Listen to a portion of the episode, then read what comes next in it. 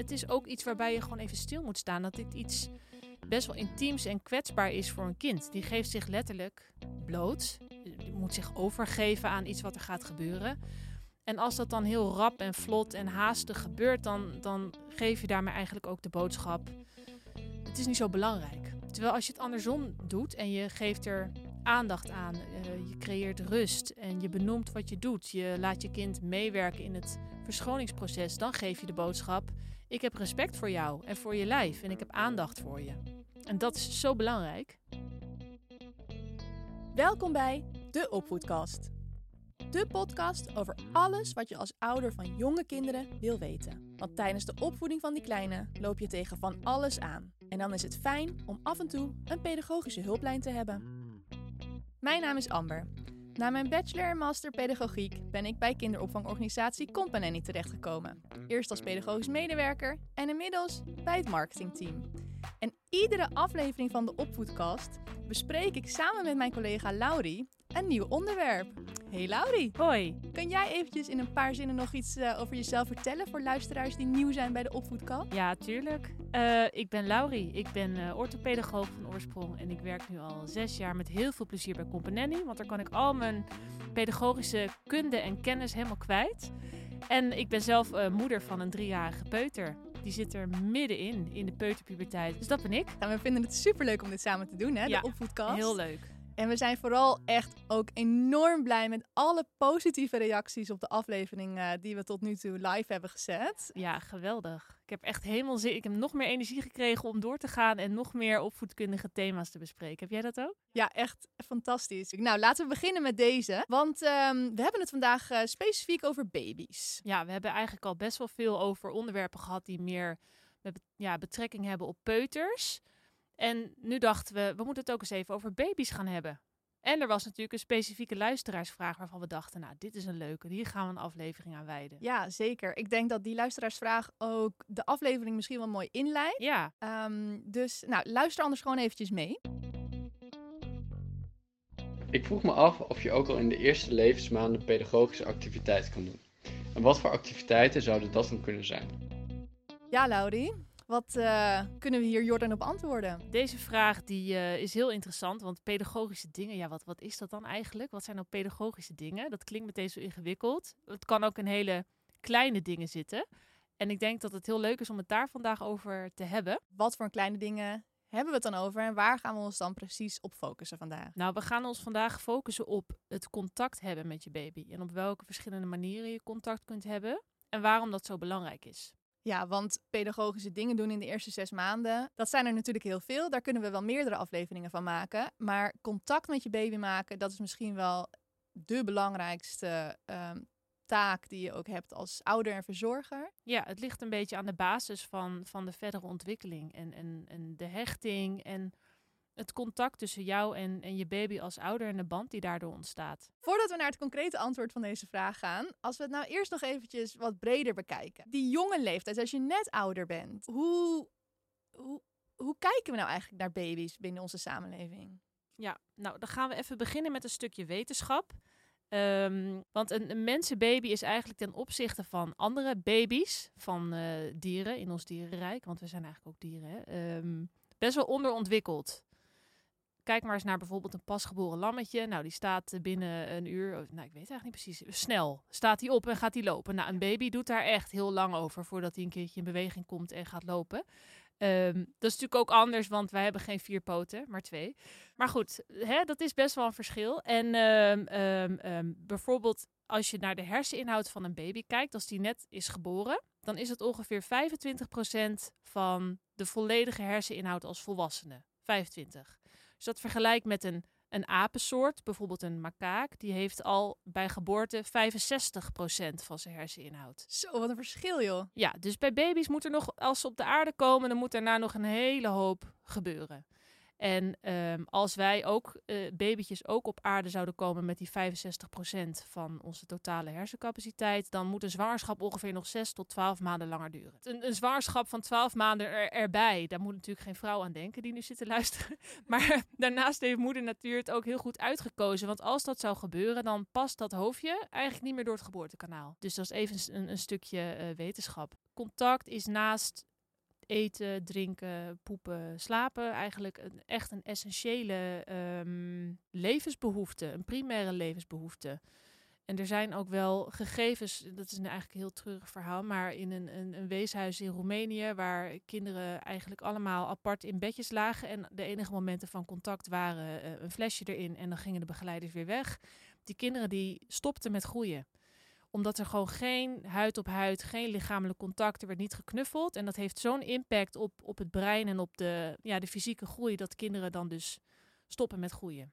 Dat is een heel, heel treurig verhaal, maar dat, dat is wat het is. Indrukwekkend. Ja, en ook voor de hersenen um, is, is fysiek contact. Als, als kinderen genoeg aandacht en liefde krijgen, dan heeft het ook heel veel impact op het geheugen, het leervermogen, de concentratie. Het is belangrijk voor zoveel dingen. Ja, en dat contact met je baby. Hoe doe je dat dan als ouder? Contact maken met je baby kan op verschillende manieren. Dus je kunt dat doen op een fysieke manier. En dan kun je denken aan knuffelen, aanraken, uh, dragen. Dus oogcontact is ook een heel belangrijke vorm van contact en ook van communicatie, dus het volgen van de blik. Uh, en uiteraard natuurlijk praten, dus je stemgeluid, spreken tegen je kind.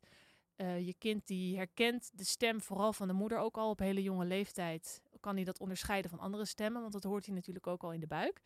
En um, een andere hele belangrijke vorm van contact is aandacht geven. Dus er zijn, responsief zijn, reageren op je kind. Ja, dat stukje reageren, daar heb je ook nog wel een mooi voorbeeld van, hè? waarom dat zo belangrijk is. Ja, er is een heel bekend experiment in de psychologie. Dat heet het still face experiment.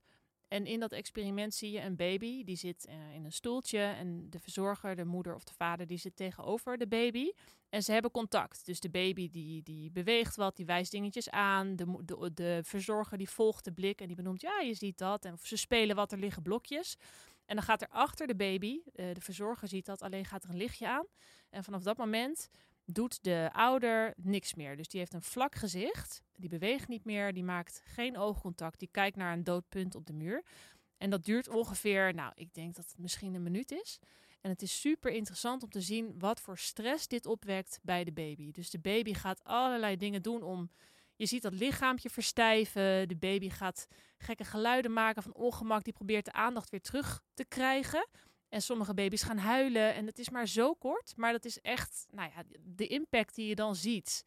Wat dat doet met een kind, dat is uh, best wel heel indrukwekkend, vind ik. Ja, het is heel heftig. Ik, ik kan ook iedereen aanraden om dat even te, op te zoeken op YouTube. Je kan het gewoon vinden. Een still face experiment is echt heel indrukwekkend. Uh, om te zien wat dus nou eigenlijk het belang is van contact met je kind, met je baby. Waar we het dus vandaag eigenlijk allemaal over hebben. Nou, laten we dan nog even terug naar de luisteraarsvraag. Want dat contact met je baby, hoe moet je dat nou concreet doen? Baby's praten nog niet. Uh, dus behalve optillen, wat kun je nou met je baby doen om contact te maken?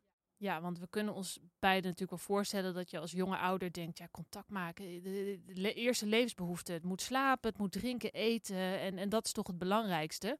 Dat dat pedagogisch of dat contact, waar zit het hem dan in?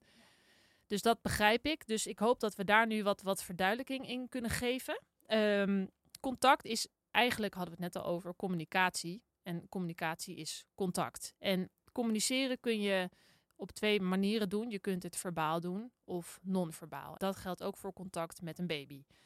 En verbale communicatie is heel belangrijk, ondanks dat baby's natuurlijk zelf nog niet kunnen praten. Passief taalgebruik, dus dat is eigenlijk taalbegrip, dus dingen begrijpen die een ander tegen jou zegt, dat is al veel eerder ontwikkeld dan het actieve taalgebruik. Dus op het moment waarop kinderen geluiden gaan maken, woordjes gaan zeggen. Al lang voor die tijd begrijpt een baby waar jij het over hebt. Ja, dat herken ik wel. En wat heel erg helpt daarbij is dus veel praten. En dan niet overdreven veel, maar gedurende de dag babbelen. Vertellen wat je aan het doen bent. Um, korte, duidelijke zinnen, dus ook geen ellenlange uh, verhalen. Maar je zult op een gegeven moment merken dat je kind daardoor dingen gaat begrijpen. ik merkte dat zelf bij mijn zoontje. Die was toen echt nog best wel jong. Ik weet niet meer precies hoe oud. Maar ik las vaak een boekje aan hem voor. De Kleine Walvis. Is echt een prachtig, lief, schattig, leuk prentenboekje.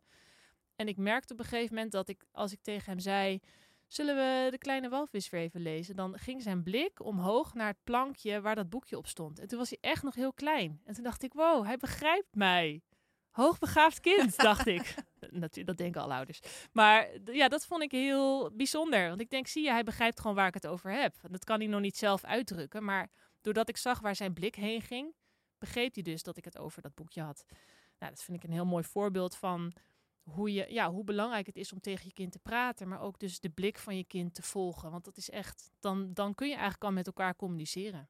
Eigenlijk is het heel erg gek dat um, als we met onze vriend of vriendin of partner in huis gewoon aan het niksen zijn, je wel af en toe met elkaar praat of gewoon iets randoms zegt, willekeurige gesprekjes houdt, dat dat heel normaal is. Terwijl als jouw baby in de bos, uh, terwijl als jouw baby in de box ligt, je die eigenlijk niet altijd op dezelfde manier aandacht geeft of gesprekjes mee hebt. Maar dat is dus eigenlijk wel wat we zouden moeten doen.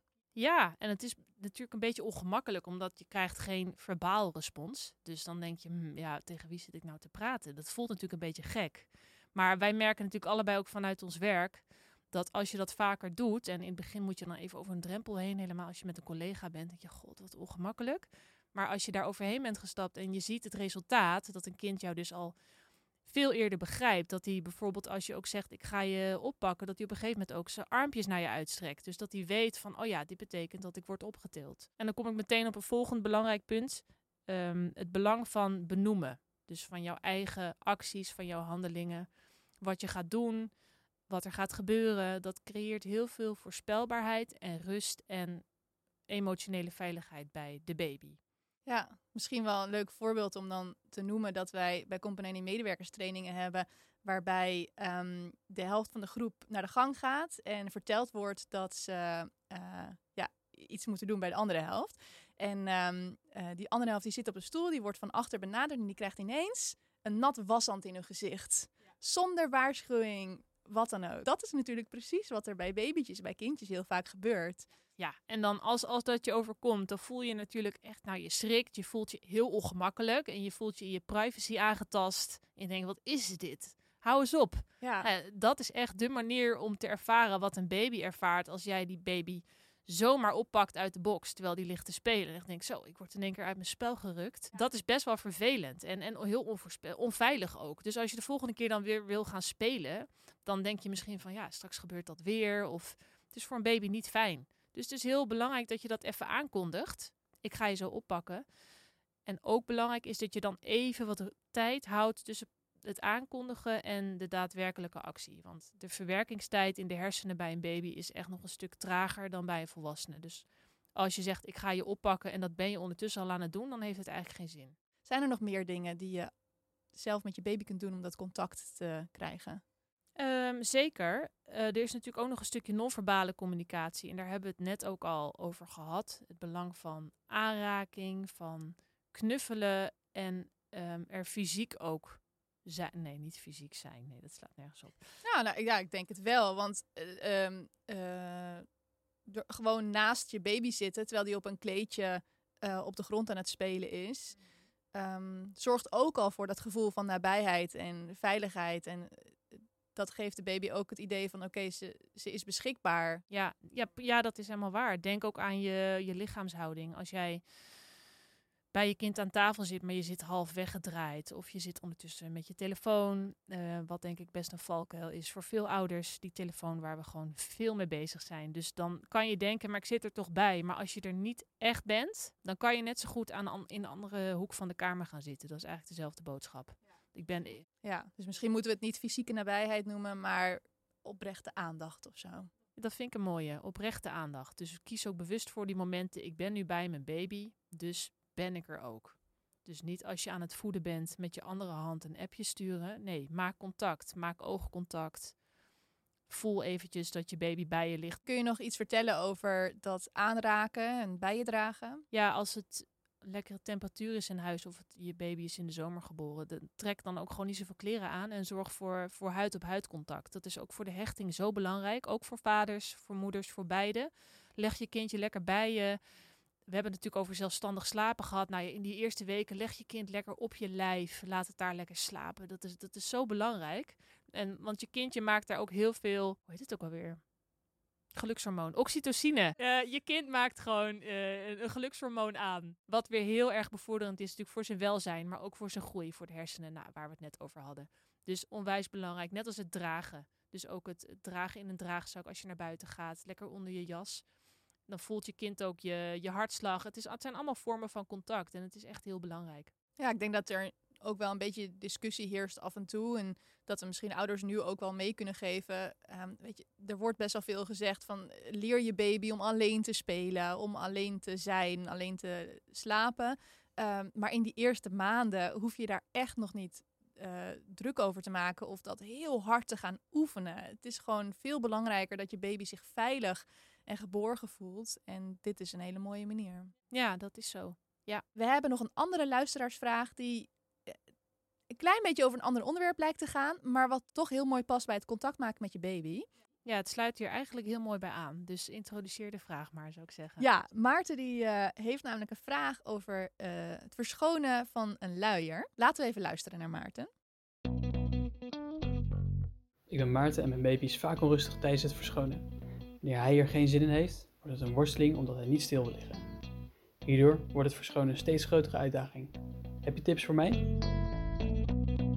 Ja, verschonen is een heel belangrijk moment tussen, uh, van contact tussen verzorger en kind. En uh, baby's, kinderen worden gemiddeld zo'n 4000 keer verschoond. Het is goed om je dat even te realiseren. Dat is natuurlijk een gemiddelde, want het ene kind is eerder zindelijk dan het ander. Dus als je dan bedenkt hoeveel momenten van contact dat zijn, is het eigenlijk heel zonde om dat te benaderen als een hele droge activiteit die zo snel mogelijk moet gebeuren. Ja, zo van, oh, die luier is nat, dat leidt tot fysiek ongemak, dus het moet zo snel mogelijk weer schoon. Maar het is veel meer dan dat. We moeten het zien als een kans, hoor ik jou eigenlijk zeggen. Dat vind ik mooi gezegd. Het is echt een kans. En het is een kans om contact te maken, om, om verbinding te leggen. En het is ook iets waarbij je gewoon even stil moet staan. Dat dit iets best wel intiems en kwetsbaar is voor een kind. Die geeft zich letterlijk bloot. Die moet zich overgeven aan iets wat er gaat gebeuren.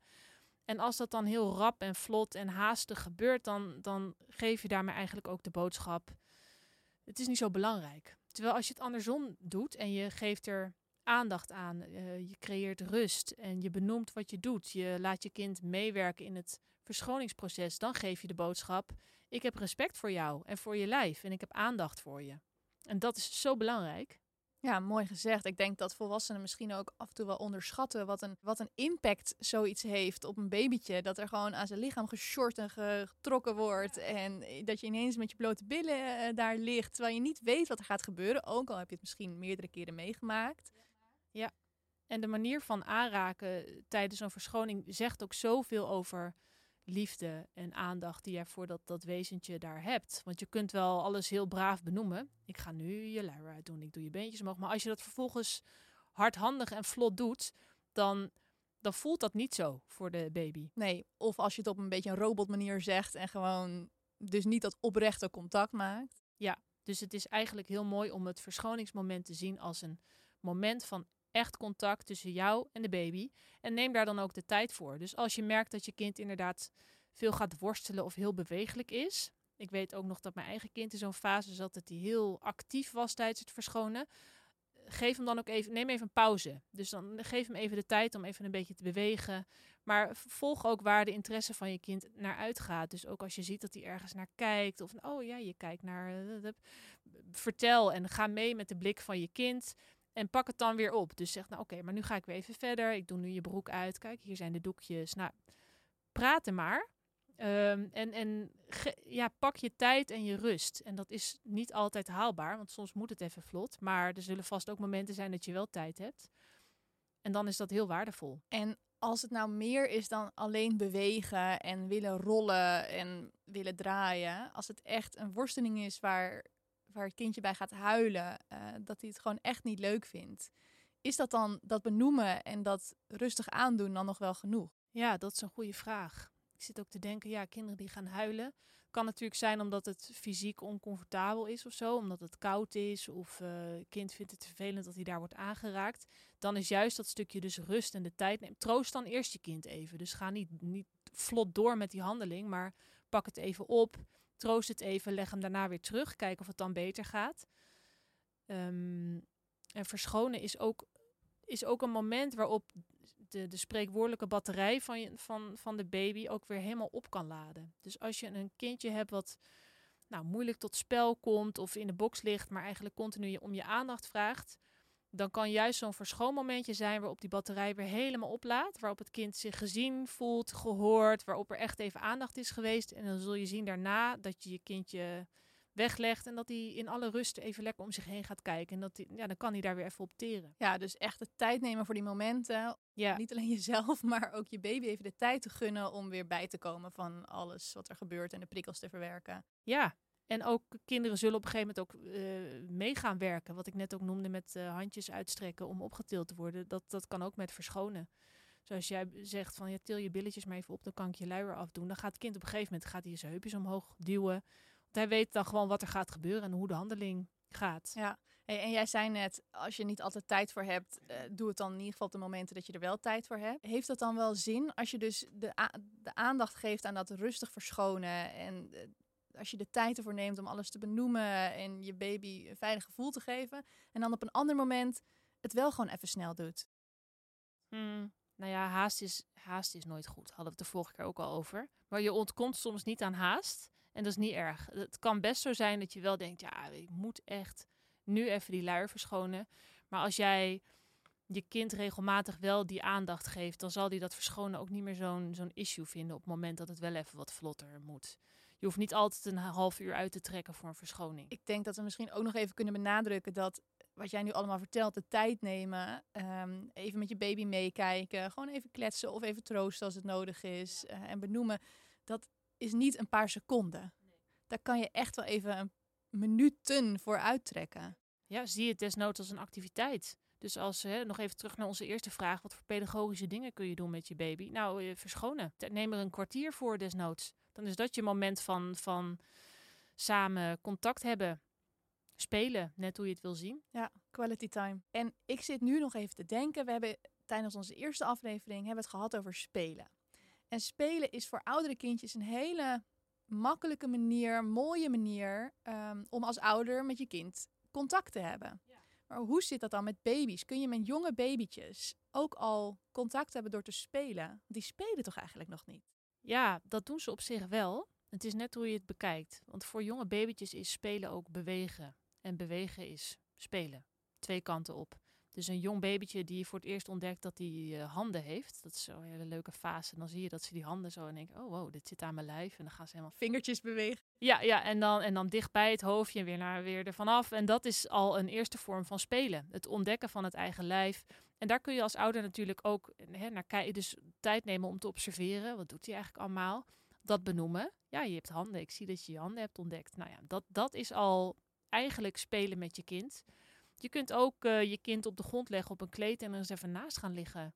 Dus gewoon eens kijken, wat zie je eigenlijk als je hier ligt? En, dat je het soort van samen gaat observeren. Als je kind ietsje ouder is, dan gaat hij echt al heel gericht om zich heen kijken. Ja, kan je, kan je meedoen. Gewoon eens even de wereld bekijken vanuit de positie van een baby. Leuk, alsof je samen sterren aan het kijken bent, maar dan gewoon in de huiskamer. Nou, ik denk dat, dat we over spelen met je baby wel weer een hele aparte aflevering kunnen maken. Um, maar ik denk dat het wel heel erg fijn is om dus al te weten dat je ook met hele jonge kindjes um, al kunt spelen. En dat dat ook een hele mooie um, en pure vorm van contact is. Ja, ja. En wat een, wat een baby bijvoorbeeld ook eigenlijk niet nodig heeft, is zo'n mobiel uh, boven de box. Want uh, ik had het net over het ontdekken van die handen. Uh, en, en baby, je ziet ook dat baby's op een gegeven moment gaan rijken. Hè? Ze willen dingen betasten. Ze onderzoeken met hun handen, met hun voeten, met hun mond. Zo'n mobiel, dat hangt daar maar. Ze kunnen er niet bij. Het hangt te hoog. Het, het draait rond. Het, het, kan ook best wel storend zijn, want je kan er niet van weg. Het hangt daar en je moet er maar naar blijven kijken. Um, dus eigenlijk is dat niet wat een baby nodig heeft. Ik zou het niet echt aanraden om dat op te hangen. Misschien vooral leuk voor ouders. Ja, want een ouder die. Uh, het is ook heel vaak, ik weet niet of je dat is opgevallen, maar ik zag laat in de winkel een mobiel met uh, jungle dieren. Het is heel leuk om van de zijkant te zien. Maar een baby die ligt naar de onderkant van een zebra te kijken. Dat is eigenlijk helemaal niet boeiend. Best wel raar eigenlijk als je erover nadenkt. Dat al die dieren en bootjes niet op de kop hangen, zodat de baby het goed kan bekijken. Ja, volgens mij zijn er wel enkele die dat inmiddels eh, hebben. Dus een- inderdaad een op de kop hangend dier. Maar alsnog, het zorgt eigenlijk voor heel veel afleiding. Het belemmert alleen maar om, om bijvoorbeeld die handjes te gaan ontdekken. Of om te gaan reiken naar het speelgoed om je heen. Want dat ding hangt boven je hoofd. Nou, daar kunnen we het een andere keer ook weer eh, wat uitgebreider over hebben. Eh, ik denk misschien ook wel voert ter de discussie. Dit is natuurlijk ook iets wat in heel veel winkels natuurlijk ligt. En wat heel veel mensen denken, dat moet ik hebben voor mijn baby. Nou, wellicht een mooi onderwerp eh, voor een volgende aflevering. Ehm, mocht je als luisteraar hier nou vragen over hebben, stuur ze dan vooral in. We willen heel graag jullie vragen beantwoorden. En voor nu heel erg bedankt voor het luisteren. Als je nou niks wil missen van de Opvoedcast, kun je je abonneren. En eh, mocht je nou zelf zo'n vraag hebben, dan kun je die eh, sturen naar de Facebook of de Instagram van Companany via een berichtje. Maar je kunt ook mailen naar podcast.companany.nl. Wil jij nog even doei zeggen? Ja, eh, dankjewel Amber. Het was weer een leuke aflevering. Vond ik ook. Gezellig, Laudie. Tot de volgende keer. Tot de volgende keer.